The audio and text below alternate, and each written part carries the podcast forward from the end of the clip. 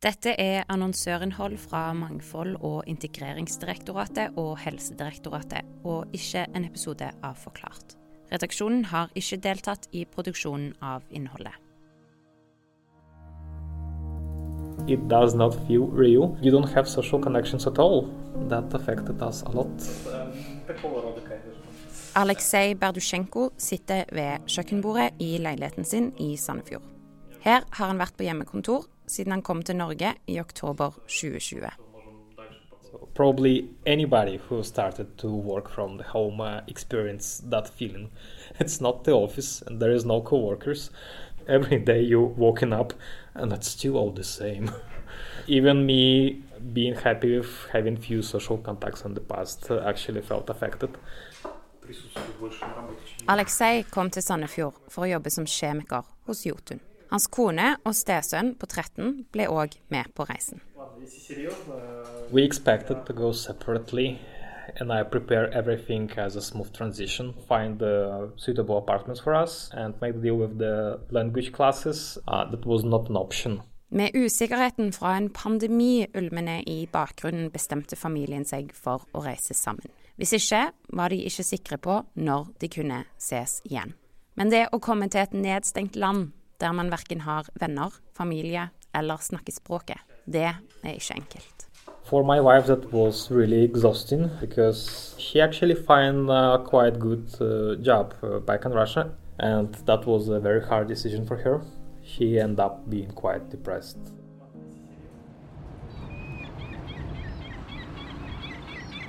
Her på Nergofisk så er det, består arbeidsstokken av 80% av fremmedarbeidere. Så vi er helt avhengige av for å kunne foredle torsk og sei, sånn som vi driver med her. 1700 km nord for Sandefjord er produksjonen av torsk, sei og sild i full sving på Nergård fiskeri. For å kunne produsere et norsk produkt i verdensklasse trengs utenlandsk arbeidskraft. Når Norge stoppa opp, så vi, mangla vi ca. 30 arbeidere som, som, ikke kunne komme inn til, til landet. Da. Mangelen på arbeidskraft under pandemien burde kanskje ikke komme som noen overraskelse. Ifølge SSB har nemlig all vekst i antall sysselsatte de siste tolv årene kommet fra arbeidsinnvandring.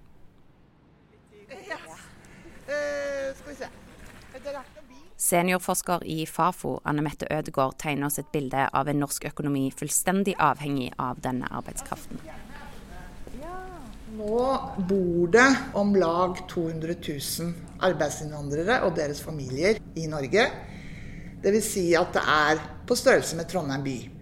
Og det skyldes jo først og fremst at det har gått så bra økonomisk i Norge. Dette har vært arbeidskraft som vi har hatt bruk for. Og de har fylt huller da, i, i arbeidsmarkedet. Særlig for næringer som fiskeindustrien, byggebransjen, jordbruket og skipsverft er det essensielt for å få hverdagen til å gå rundt. Det er nesten litt sånn trekkspill. Altså, de har behov for masse arbeidskraft i perioder hvor de har oppdrag, og så, så kan de ha lite oppdrag. Sånn at de har behov for veldig sånn ut og inn med arbeidskraft. Vi får ikke nordmenn til å jobbe i, i fiskeindustrien. Så, det, det, så enkelt er det. Så vi må, vi må, vi må ty til utenlandsk arbeidskraft. Det gjelder både på, på de, de stillingene som innehar en spesiell kompetanse, og de som ellers jobber da, vanlig i fabrikken vår.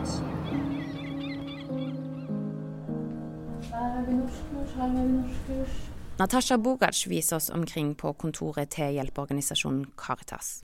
I løpet av pandemien har pågangen vært enorm. Hun tror de fleste nordmenn ikke forstår hvor utfordrende pandemien har vært for arbeidsinnvandrere i Norge.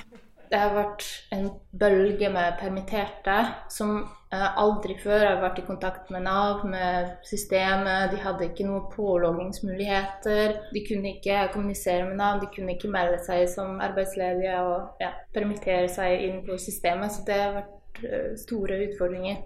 Da grensene stengte i januar 2021, gjorde dette bare vondt verre, ifølge Pogac. Det skjedde veldig plutselig.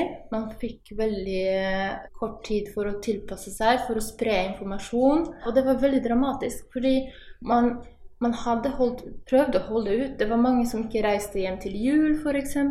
Og så plutselig i januar så fikk de beskjed at de egentlig ikke kan reise tilbake. Da sto det mellom å miste jobben eller å bli i Norge og bli eh, borte fra familien. Hvor lenge visste ikke.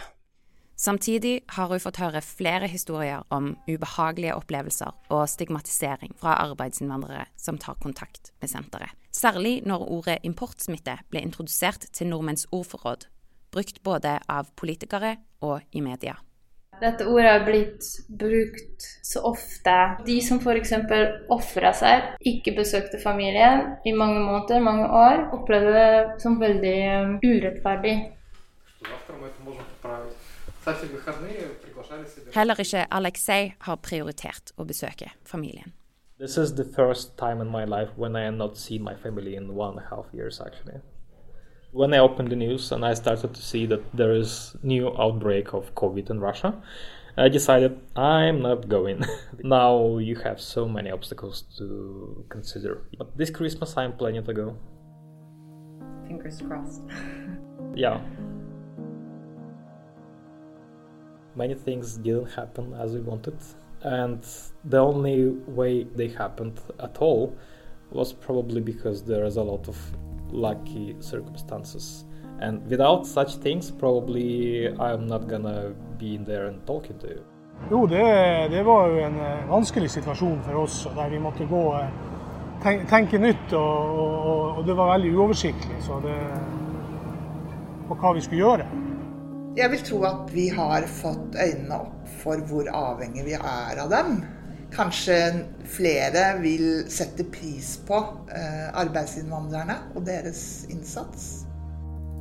Nå har vi forstått at det er i alle sin interesse. Det vi har sett under pandemien, var eh, Man kan ikke forvente å få kontroll på en pandemi uten å ha en gruppe på 200 000 med. Tror du at pandemien har gjort at flere òg ser viktigheten av arbeidsinnvandring, eller tror du Jeg håper det. Det kommer en vilje for å jobbe for integrering av denne gruppen. For første gang, kanskje. Du har hørt annonsørinnhold for Integrering- og mangfoldsdirektoratet og Helsedirektoratet, produsert av annonseavdelingen Skipsted Partnerstudio. Aftenpostens redaksjon har ingen rolle i produksjonen.